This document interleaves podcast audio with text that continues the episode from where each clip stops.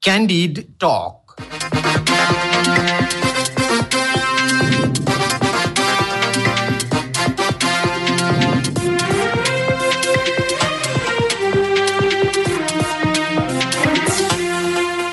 नमस्कार क्यान्डी टकमा तपाईँलाई स्वागत छ। म धीरज बस्नेत। रेडियो क्यान्डिडको प्रस्तुति कार्यक्रम क्यान्डी टक तपाईँले शनिबार बाहेक हरेक दिन बिहान साढे छ बजेबाट सात बजेसम्म आधा घन्टा सुन्दै आइरहनु भएको छ। समसामयिक विषयमा कुराकानी हुने यो कार्यक्रम तपाईँले काठमाडौँ उपत्यका र आसपासका जिल्लामा बयानब्बे दशमलव सात मेगाहर्जमा रेडियो क्यान्डिडको आधिकारिक फेसबुक पेजमा हाम्रो पात्रोमा रेडियो क्यान्डिडको एप्स डाउनलोड गरेर र पोडकास्टमा समेत सुन्न सक्नुहुन्छ। अमेरिकासँग भएको भनिएको एसपिपी सम्झौताको विषयले राजनैतिक वृत्त अझै पनि तरङ्गित बनिरहेको छ। यसलाई लिएर सबै पक्ष आफू आफू चोखिन खोजिरहेको देखिएको छ।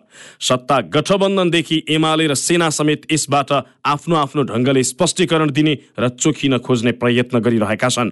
यसबीचमा सत्ता गठबन्धनमा रहेका प्रमुख तीन दलले अमेरिकी स्टेट पार्टनरसिप प्रोग्राम एसपिपी अस्वीकार गरेको उल्लेख गर्दै पत्र लेख्न प्रधानमन्त्री शेरबहादुर देवाललाई दबाव समेत दिने भएका छन् र उनीहरूले एसपिपी बारे श्वेत पत्र जारी गर्न समेत आग्रह गरेका छन्। आज हामी यस विषयमा खास गरी एसपिपी के हो र यसले पुर्याउन सक्ने क्षति कस्तो हुन सक्छ एसपिपीको विषयलाई लिएर पछिल्लो समय जे जस्ता खालका घटनाक्रमहरू देखिएका छन् जस्तो तरङ्ग उत्पन्न भएको छ यसले निम्त्याउन सक्ने जोखिमका विषयमा आज हामी विशेष कुराकानी गर्दैछौँ। परराष्ट्रविद डाक्टर दिनेश भट्टराईसँग। भट्टराईज्यू यहाँलाई स्वागत छ क्यान्डी टकमा। सबैभन्दा पहिला चाहिँ यो एसपिपीको विषयले जस्तो खालको तरङ्ग पैदा गरेको छ र खास गरी एसपिपीलाई लिएर कङ्ग्रेस आफ्नो ढङ्गले चोकिन खोज्ने एमाले आफ्नो ढङ्गले चोकिन खोज्ने र सेनाले आफ्नो ढङ्गले स्पष्टीकरण जसरी दिइरहेको छ यसले के सङ्केत गर्छ डाक्टर साहब खासमा? यसले सङ्केत गर्ने कुरा त छोटकरीमा भन्दाखेरि एउटा समन्वयको अभाव एउटा गैर जिम्मेवारीपनाको चाहिँ अ, पराकाष्ठा र यो मुलुकप्रति जवाफदेहिता चाहिँ जसले जसले देखाउनु पर्ने हो त्यता नदेखाएर सस्तो अनि क्षणिक क्षणिक दृष्टिबाट अगाडि बढ्न खोजेकोले यसो भएको देखिन्छ र यो भनिराख्दाखेरि हामीले विचार गर्नुपर्ने कुरा के छ भने सुरुमा जसरी अमेरिकासँग स्टेट पार्टनरसिप प्रोग्राम भनेर आयो त्यो प्रोग्राम विशुद्ध अस्ति शुक्रबारको दिन अ, सेनापतिजीले त्यो अन्तर्राष्ट्रिय समुदायमा हो। समितिमा संसदको अन्तर्राष्ट्रिय समितिमा जुन कुरा भन्नुभएको छ त्यो चाहिँ धेरै वास्तविकतासँग मेल खान्छ भन्ने मलाई लाग्छ। सुरुमा यो अमेरिकासँग फेरि हामीले यो यो भनिराख्दा कुरा गरिराख्दाखेरि हामीले बिर्सन नहुने कुरो के छ भने अमेरिकासँग हाम्रो सम्बन्ध पुरानो हो अमेरिकासँग हाम्रो चाहिँ संयुक्त सैनिक अभ्यास पनि भइरहेछ त्यस्तै चिनसँग भइरहेछ त्यस्तै हाम्रो बेलायतसँग भइरहेछ त्यस्तै भारतसँग भइरहेछ। अब छोटकरीमा भन्नुपर्दा दुई हजार बहत्तर साल अथवा चाहिँ भनौँ न सन् दुई हजार पन्ध्रको अप्रेलमा जुन महाभूकम्प आयो महाभूकम्प आइसकेपछि हाम्रा नेपाली दाजुभाइ दिदीबहिनीहरू अब विदेशीहरू पनि यहाँ भ्रमणमा आएका कोही चाहिँ अप्ठ्यारोमा परेका घरले पुरिएका भत्केर यी सबै त्यस्तो अवस्थामा करिब सत्ताइस देशका सैनिक गैर सैनिक सिभिलियन सबै आएर हाम्रो त्यो पुरिएका नेपालीहरूलाई दाजुभाइहरूलाई चाहिँ उद्धार गर्ने काम चाहिँ भएको थियो। त्यति बेला यो स्टेट पार्टनरसिप प्रोग्राम जुन आएको थियो त्यति बेला त्यो विशुद्ध चाहिँ प्राकृतिक प्रकोप र काउन्टर इन्सर्जेन्सी वा सर्च एन्ड रेस्क्यु अपरेसन बाहेक अरू केही पनि थिएन।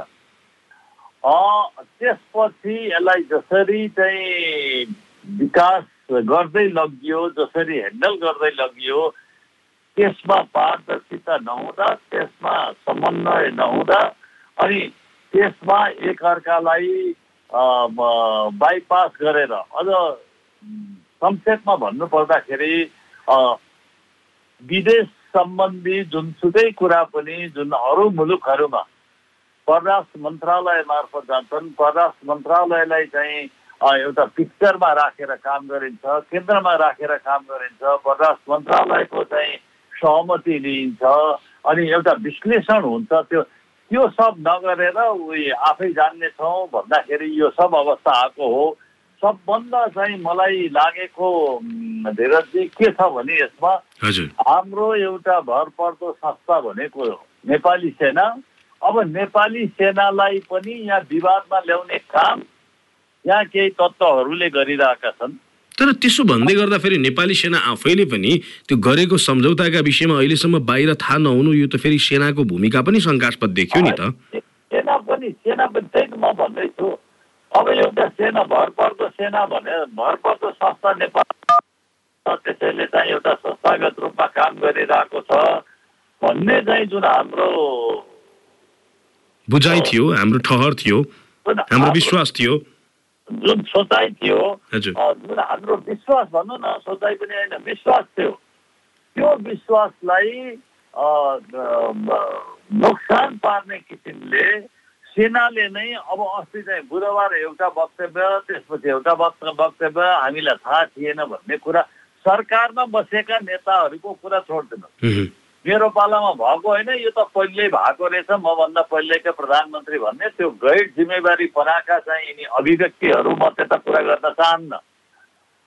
र सेनाले नै आफैले केही भएको छैन यसमा भन्ने यो दुई तिन दिनमै यसरी फरक फरक किसिमका प्रोग्राम आउनु यो चाहिँ राम्रो कुरो होइन। सेनाबाट पनि।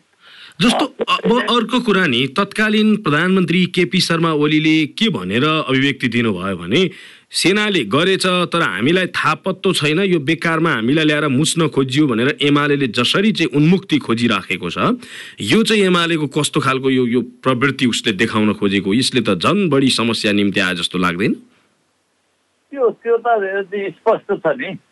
हाम्रो यो नेपालमा तपाईँको एउटा चाहिँ बडा क्रोनिक डिजिज अथवा चाहिँ बडा पुरानो रोग चाहिँ यो सन्चै नहुने रोग के लागेको छ भने सत्तामा बस्दा एउटा अडान हुन्छ। सत्ता बाहिर निस्कन परेपछि त्यो पीडा चाहिँ अर्को तुरन्त त्यो अडान फेरिन्छ।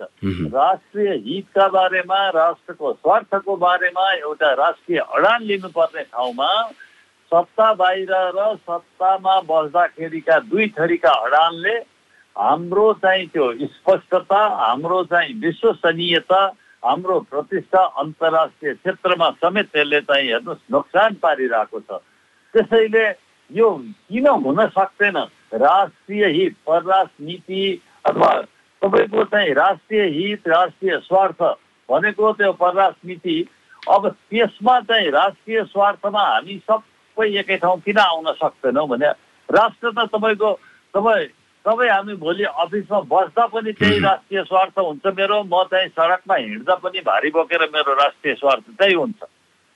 यो मानेमा हाम्रा चाहिँ यिनी हाम्रा यी नेताहरू किन एक हुन सक्नुहुन्न? उहाँहरूको किन एउटै बोली आउँदैन?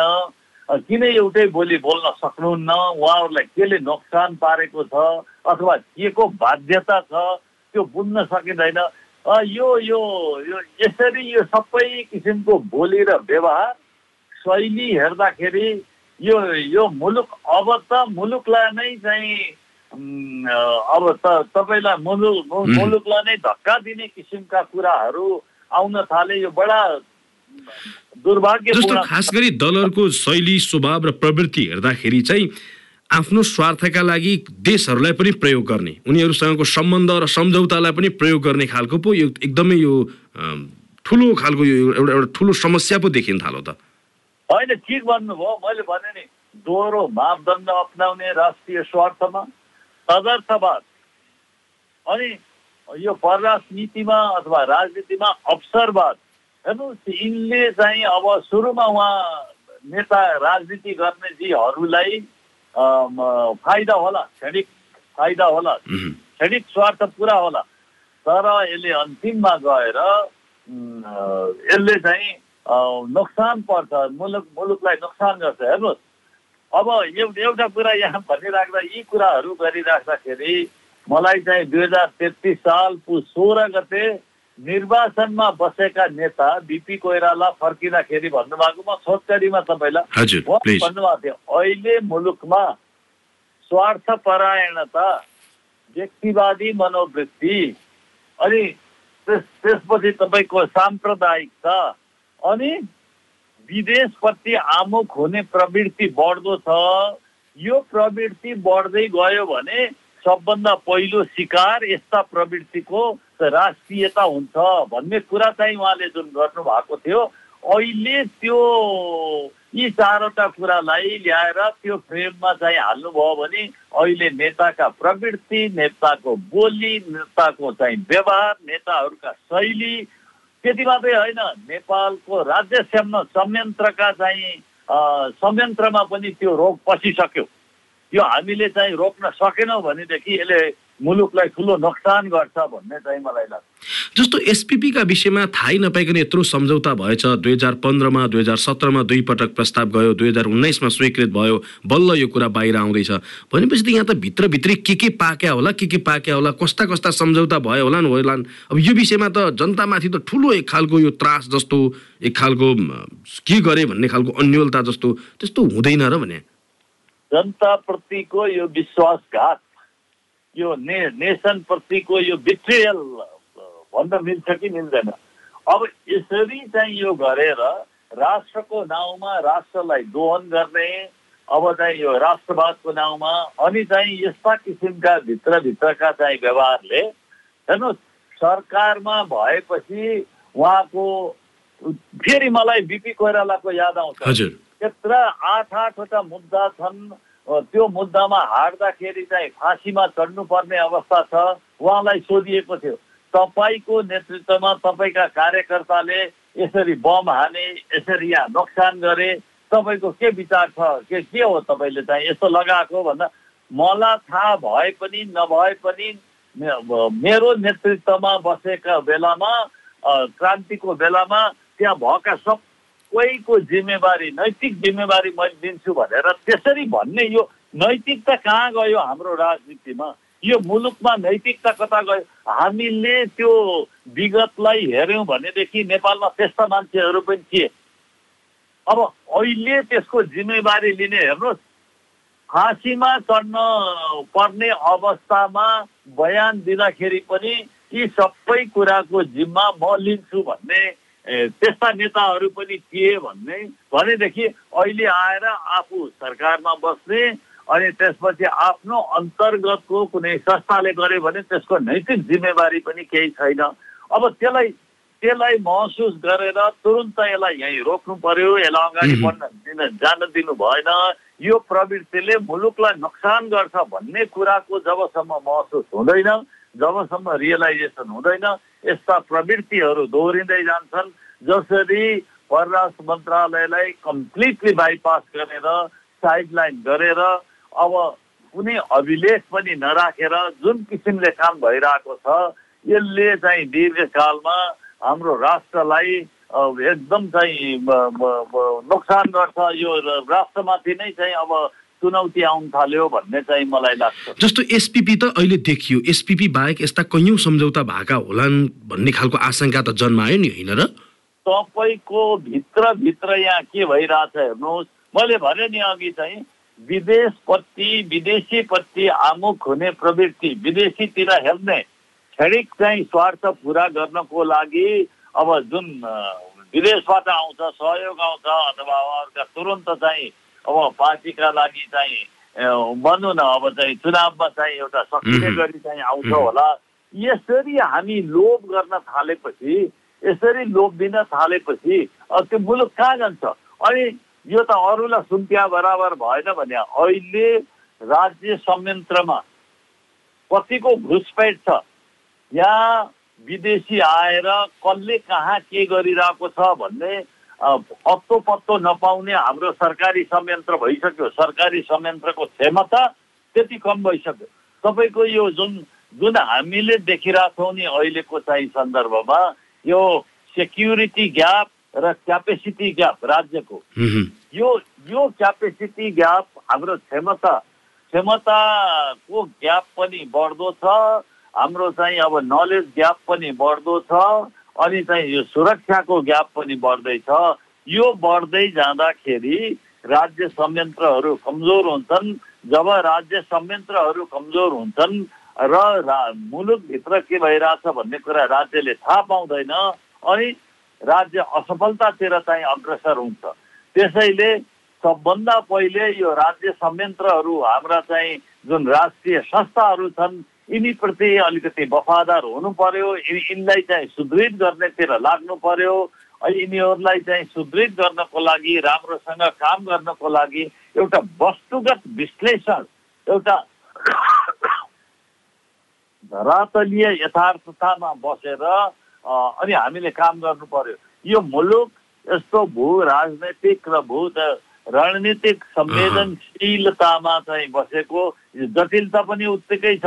यस्तो संवेदनशील अवस्थामा अवस्थित भएको मुलुकमा यो किसिमको व्यवहार यो किसिमको अझ छाडा व्यवहार भनौँ न। छाडा व्यवहार छाडा बोली छाडा शैलीले चाहिँ यो यो यो हामीलाई नोक्सान गरिरहेको छ। त्यही भएर सबैको हुनुपर्ने हो सबैलाई महसुस हुनुपर्ने हो।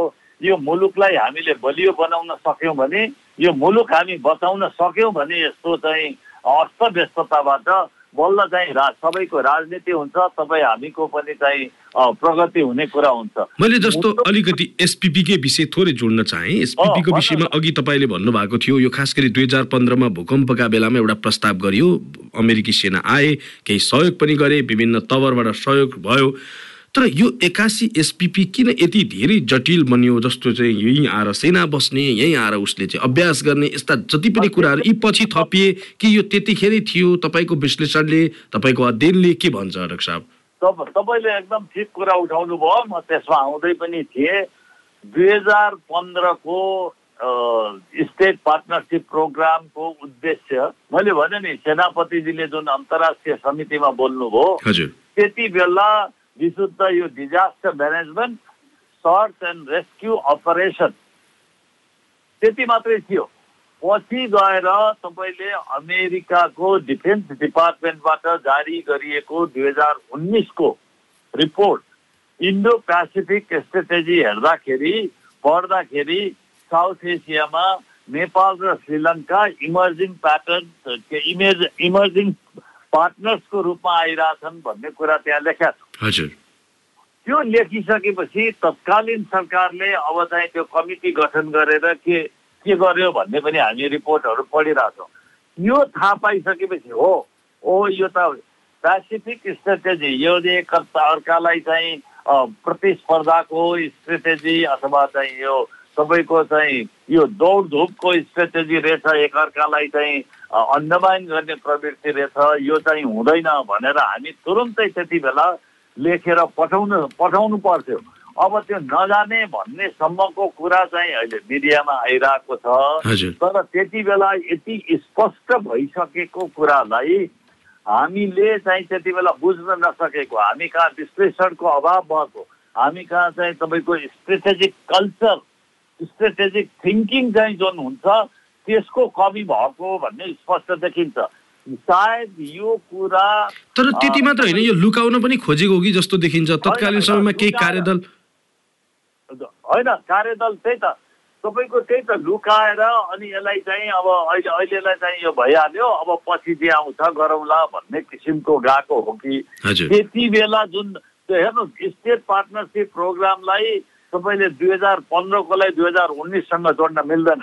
दुई हजार उन्नाइसमा गएर जुन किसिमको चाहिँ त्यो आयो त्यो त्यो त्यो रिपोर्टमा स्टेट के अरे पेन्टागनको डिफेन्स डिपार्टमेन्टको रिपोर्टमा आयो।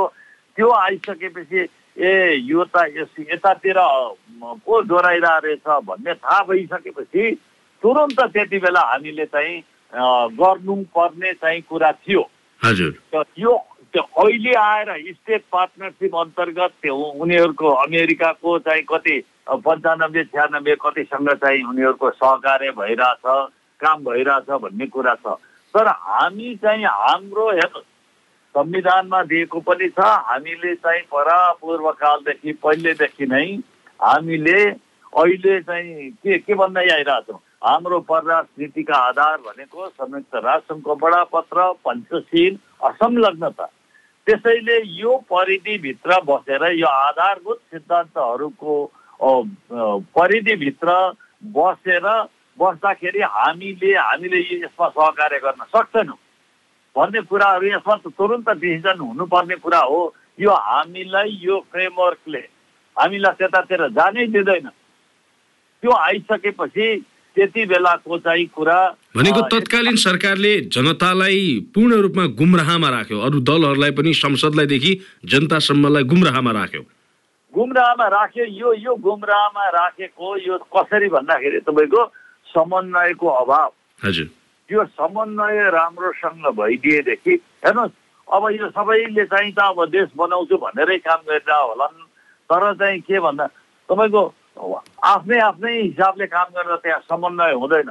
परराष्ट्र मन्त्रालयको आफ्नै काम हुन्छ अर्थ मन्त्रालयको आफ्नै काम छ अनि सेनाको रक्षा मन्त्रालयको आफ्नै काम हुन्छ भने यो परराष्ट्र नीति जस्तै स्टेट पार्टनरसिप प्रोग्राम आउँदाखेरि तपाईँको होल अफ गभर्मेन्ट एप्रोच सबै सम्बन्धित मन्त्रालयहरू यो होलिस्टिक रूपमा सोचेर यो राज्यले अमेरिकालाई तत्क्षण नै चाहिँ जवाब दिनुपर्ने कुरा देखिन्छ। अहिले आएर ए मलाई थाहा नदिइकन चाहिँ यो यसरी खबर गरे भनेर चाहिँ जिम्मेवारीबाट पन्सिन मिल्दैन जस्तो लाग्छ हामीले बुझेको हामीले सिकेको कुरा अनुसार।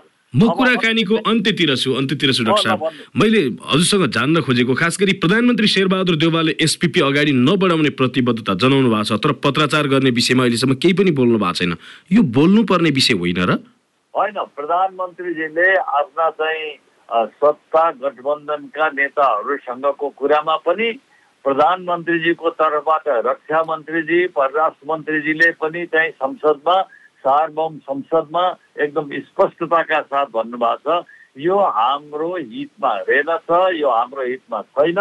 त्यसैले यो कुरा अगाडि बढ्दैन भनेपछि त हामीले अब यो लेखेर जान्छ त्यसपछि अब हामी यो चाहिँ स्टेट पार्टनरसिप प्रोग्रामको न्यु पारेर त्यो बाटोबाट हामी कतै पनि इन्डो पेसिफिक स्ट्रेटेजीको चाहिँ भाग हुन सक्दैनौँ भन्ने कुरा त प्रधानमन्त्रीजीले पनि स्पष्ट पार्नु भएको छ परराष्ट्र मन्त्रीजीले पनि संसदमा तर यो बोलेर मात्रै नहोला यसलाई त फेरि लेखेर प्रष्ट रूपमा अमेरिकालाई यो कुरा भन्नु पर्दो हो नि त।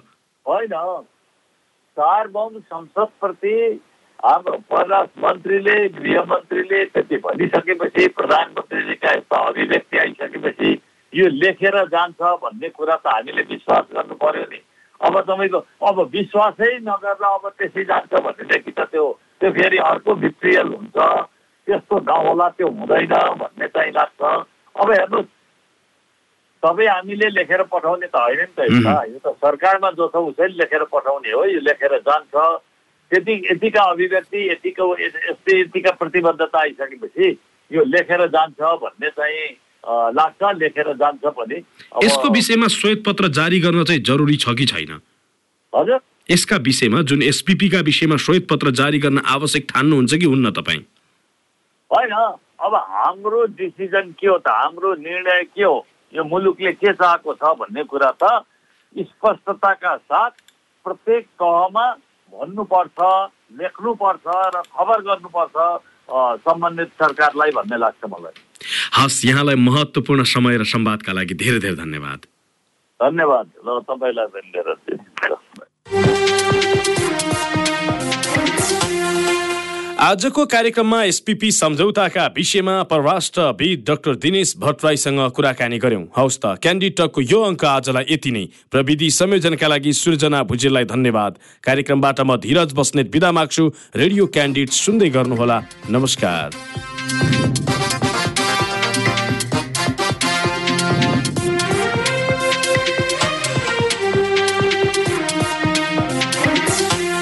Candid Talk.